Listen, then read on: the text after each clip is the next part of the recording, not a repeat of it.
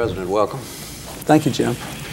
The news of this day is that Kenneth Starr, the independent counsel, is investigating allegations that you suborned perjury by encouraging a 24 year old woman, former White House intern, to lie under oath in a civil deposition about her having had an affair with you.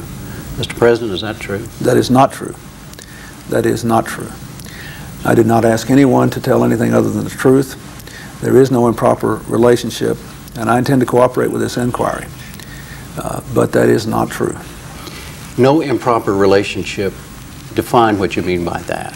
Well, I think you know what it means. It means that uh, that there is not a, uh, a sexual relationship, an improper sexual relationship, or any other uh, kind of improper relationship. You had no sexual relationship with this young woman. There is not a sexual relationship. That is accurate.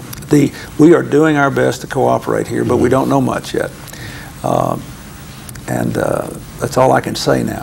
What I'm trying to do is to uh, contain my natural impulses and get back to work. I think it's important that we cooperate. I will cooperate, but I want to focus on the work at hand.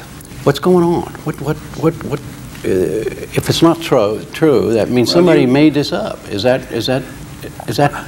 I, look, you know as much about this as I do right now. We'll just have to look into it and cooperate, and uh, we'll see. But meanwhile, I've got to go on with the work of the country. I got hired to help the rest of the American people. Ja, natuurlijk hoor je daar Bill Clinton in gesprek met Jim Lehrer, eh, halverwege de jaren 90 in het Witte Huis, in gesprek met Jim Lehrer van PBS NewsHour, oftewel het Amerikaanse nieuwsuur. En daarin is de president glashelder, er is geen affaire gaande tussen mij en Monica Lewinsky. Ja, en het is feest, want dit is de honderdste podcast. Ja, dat is echt niet normaal. Ik ben hier twee jaar geleden in januari eh, mee begonnen, januari 2022. En ik dacht, eh, weet je wat ik ga doen? Er zijn al zoveel podcasts over Amerika die ontzettend lang duren, met altijd hetzelfde format, een correspondent die met iemand hier praat. Ik doe het gewoon zelf. Eh, dan heb ik iets wat ik echt helemaal alleen doe.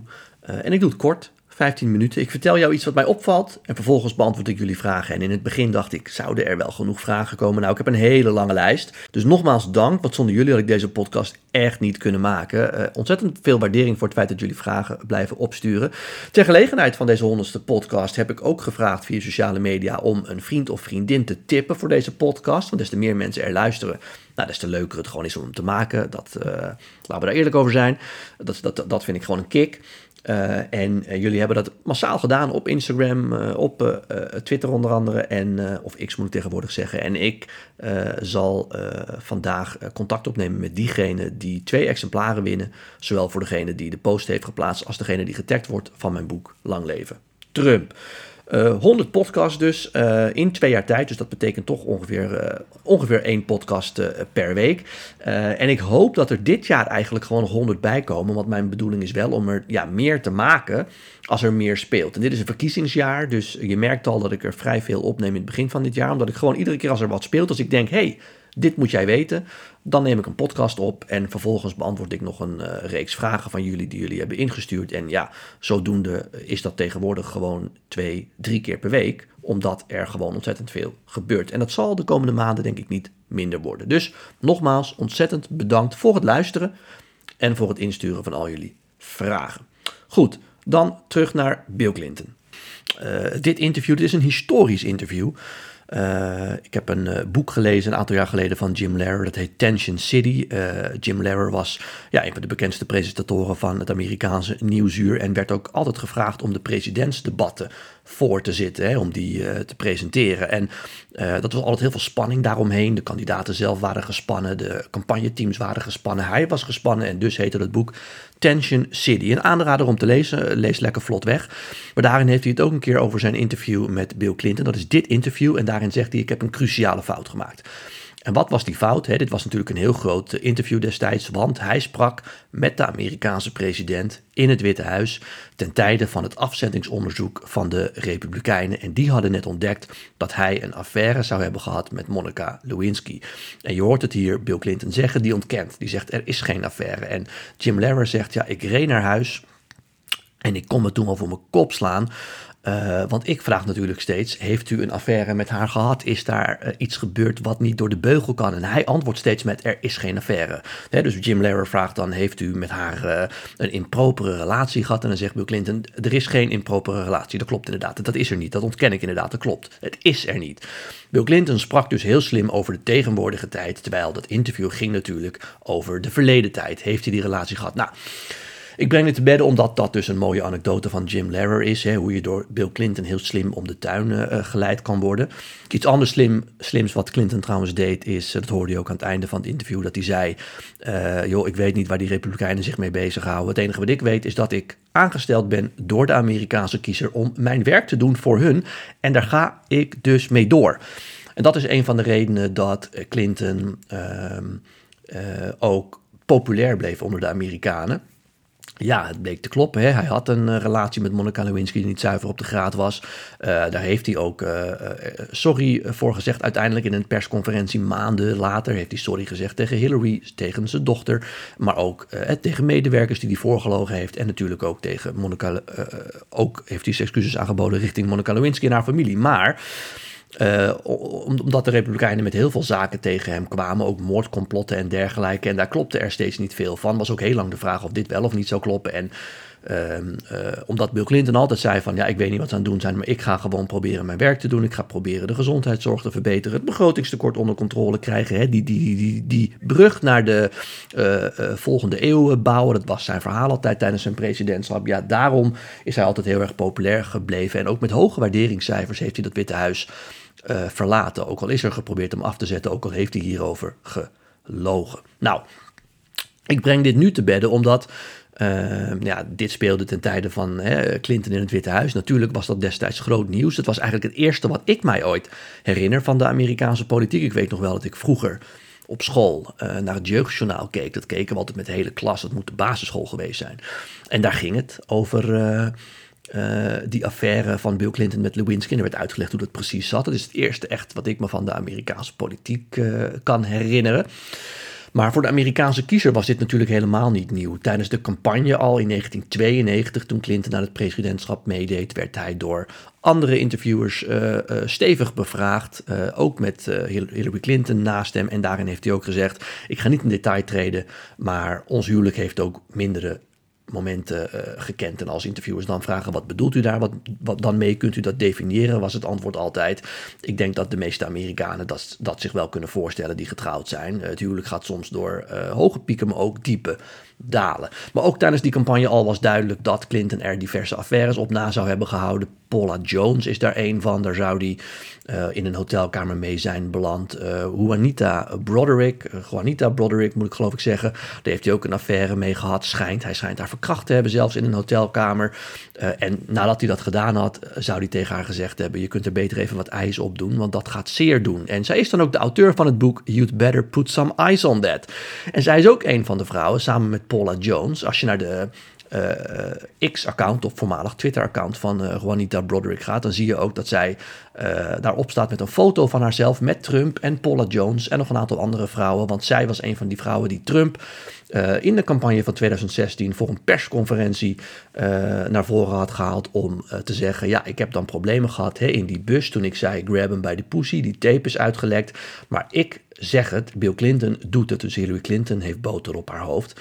En hij heeft ook die vrouwen, Paula Jones, maar ook andere vrouwen uitgenodigd om bij het tweede debat te zijn wat hij voerde tegen Hillary Clinton. Een enorm groot spektakel toen. Nou, ik uh, merk dat ik de ene naar de andere anekdote eruit gooi. Ik doe dat omdat Bill Clinton nu natuurlijk weer in het nieuws is en ik daar heel veel vragen over, over krijg. Raymond, uh, jij bent toch zo'n fan van uh, Bill Clinton? Kun je, uh, kun je zeggen wat je hiervan vindt? En überhaupt, wat betekent dit voor de Democratische Partij en voor Bill Clinton zelf? Dus vandaar dat ik al die vragen even samenpak en in deze podcast daar wat extra bij stilsta. Omdat jullie toch kennelijk allemaal het nieuws. En ik snap dat. Ik doe dat ook over Jeffrey Epstein uh, volgen. En nou ja, de verhalen over Clinton daarover ook volgen.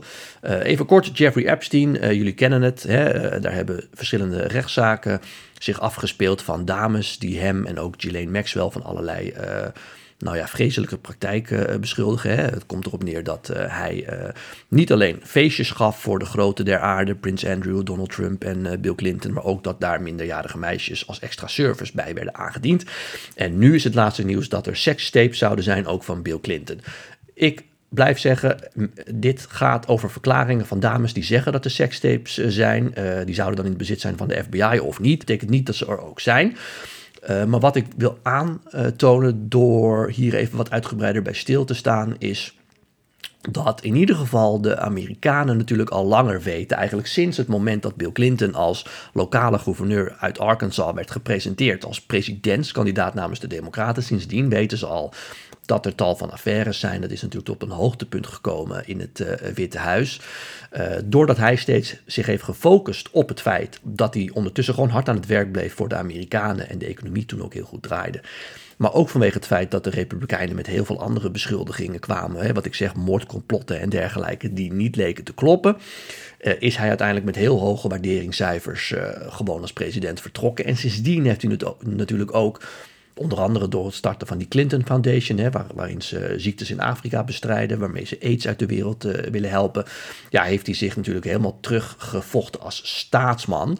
Maar je merkt nu misschien wel dat door die uh, verhalen over die sekstapes en dergelijke dat, uh, dat imago weer een beetje onder druk staat. Je zag al na de MeToo-periode dat de ja, status van Clinton binnen de Democratische Partij wat onder druk kwam te staan. Uh, ik heb een aantal podcasts geleden uh, dat fragment laten horen van Bill Clinton, die tijdens de Democratische Conventie in 2012 als explainer-in-chief een groot podium krijgt op die conventie, omdat hij beter dan Obama zelf kon uitleggen dat ja, mensen misschien de economische verbeteringen nog niet voelden in hun hart of in hun portemonnee, maar dat het er wel echt aan zat te komen. En zei Bill Clinton, neem dat nou van mij aan. En uh, Bill Clinton heeft Obama daar een hele grote dienst mee uh, bewezen. Maar sindsdien, uh, ja, toen zijn vrouw presidentskandidaat was, maar daarna heeft Bill Clinton niet meer een hele grote uh, speech mogen geven op die partijconventie. In ieder geval niet zo groot als toen. En dat komt eigenlijk door die MeToo-beweging. De Democraten zeggen: ja, wij maken onszelf kwetsbaar als wij hem op het podium hijsen. En dat is het antwoord ook een beetje op jullie vraag: van hè, wat betekent dit nu precies? Nou ja, één. Ik geloof pas als er tapes zijn als ik ze zie, of als in ieder geval de FBI bevestigt, we hebben ze. Uh, en ja, tweede wat het betekent is uh, dat ja, wereldwijd um, is misschien die positie als staatsman van Bill Clinton nog niet 1, 2, 3 aangetast, maar binnen de Democratische Partij wel, omdat men daar natuurlijk extra gevoelig is op, nou ja, wij pakken Trump aan op zijn opmerkingen en gedrag richting vrouwen. Trump wordt trouwens ook genoemd in die tapes. Um, en dat betekent dat we zelf extra voorzichtig moeten zijn. Dus de positie van van Bill Clinton in de Democratische Partij, die komt hiermee onder druk uh, te staan. En nou, één ding weten we uit het Witte Huis in de jaren negentig: dat er uh, uh, tussen Bill en Hillary Clinton regelmatig spanningen waren. Volgens de butlers vlogen de serviezen door het Witte Huis als er weer eens ruzie was over van alles en nog wat. Kon over vrouwen gaan, kon ook over beleid gaan. Want uh, Hillary Clinton was een, een, van de belangrijkste, dan wel niet de belangrijkste adviseur van haar man.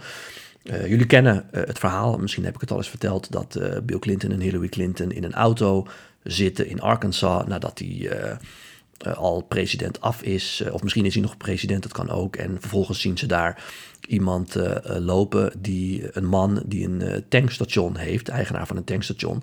En uh, Hillary Clinton zei, ja, die man daar heb ik mee gedate voordat ik jou leerde kennen. Waarop Bill Clinton zei, nou ja, dan had je nu mooi hier achter de toonbank van een tankstation gestaan. Waarop Hillary zei, nee, nee, nee, nee, dan was hij president geweest. dat was een beetje de relatie tussen hun twee. Ongetwijfeld zal er nu weer wat servies door Huizen Clinton zijn gegaan. Want Hillary Clinton weet ook, hiermee komt niet alleen jouw positie, maar ook mijn positie weer verder onder druk uh, te staan. Dus dat is een beetje in het breed het antwoord op wat betekenen nou die tapes voor Bill Clinton. Nou ja, of ze bestaan of niet, dat moeten we zien. Maar dat er weer rumoer is over wat hij dan wel niet gedaan zou hebben. En we hebben het hier niet over affaires dit keer, maar echt over, nou ja, uh, criminele handelingen. Als het over minderjarige meisjes zou gaan ja, dat betekent dat de Clintons weer uh, door Bill Clinton in een uh, zwart daglicht komen te staan. En dat zal in ieder geval Hillary Bill niet in dank afnemen. Goed, tot zover eventjes die terugblik op de jaren 90 en wat dat dan weer voor nu betekent. Lang verhaal kort, de Amerikanen kennen veel van die verhalen al sinds begin jaren 90. Dit is natuurlijk weer een tandje erger, want het is één ding om affaires te hebben, maar misbruik van minderjarigen is natuurlijk van een totaal andere orde. Uh, alleen is de vraag natuurlijk of het klopt, maar het imago van Bill Clinton wordt hiermee wel weer aangetast. Goed, tot zover. Dan weer door naar jullie vragen. Die hebben jullie ingestuurd via Twitter, Instagram en LinkedIn. Een vraag van Leon die zegt: uh, Hey Raymond, in de podcast gaf je aan dat Gavin Newsom zich eigenlijk warm loopt achter Biden. Dat klopt inderdaad, mocht hij omvallen. Uh, ik vind zelf Buttigieg altijd goed overkomen. Maakt hij nog een kans in de toekomst? Uh, ja, dat denk ik wel, Leon. In de toekomst wel. Piet Buttigieg, nu de minister van Transport. Uh, maar ik denk dat een openlijk homoseksuele presidentskandidaat nou niet kansloos is, maar het is een extra risico. En ik denk dat de Democraten dat risico niet willen lopen tegen bijvoorbeeld Donald Trump, hè, als Donald Trump de presidentskandidaat uh, weer wordt. Uh, ik denk dat ze dat niet aandurven. vandaar ook dat ze Joe Biden naar voren hebben geschoven tegenover Donald Trump. Dat is een oude witte man. Je kan hem, je kan hem te oud vinden, maar over het algemeen vinden mensen het niet een enorm groot risico. Misschien nu wel weer gezien zijn leeftijd. Maar goed, ja, dat is dus wat ik denk. Piet Buttigieg, groot talent, maar het is denk ik te vroeg. Dan tot slot even een heel andere vraag uh, van Xander. Deze keer die zegt, hey Raymond, uh, ik heb een andere hypothetische vraag die je misschien kan behandelen als er minder nieuws is. Nou, ik doe meteen even Xander, want dan kan hij van mijn lijstje.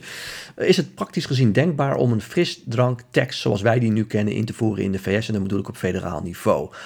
nee, Xander, dat kan volgens mij niet. Ik ben geen tax-expert, maar daar gaan de staten in Amerika over. Dat is ook de reden dat ik vaak uh, iPhones of iPads in New Hampshire koopt. Daar zit er geen, op Montana, daar heb je geen belasting op dat soort uh, dingen, geen VAT. Uh, daar staten zouden dat moeten doen. volgens mij kunnen steden het ook, maar federaal is dat niet het geval.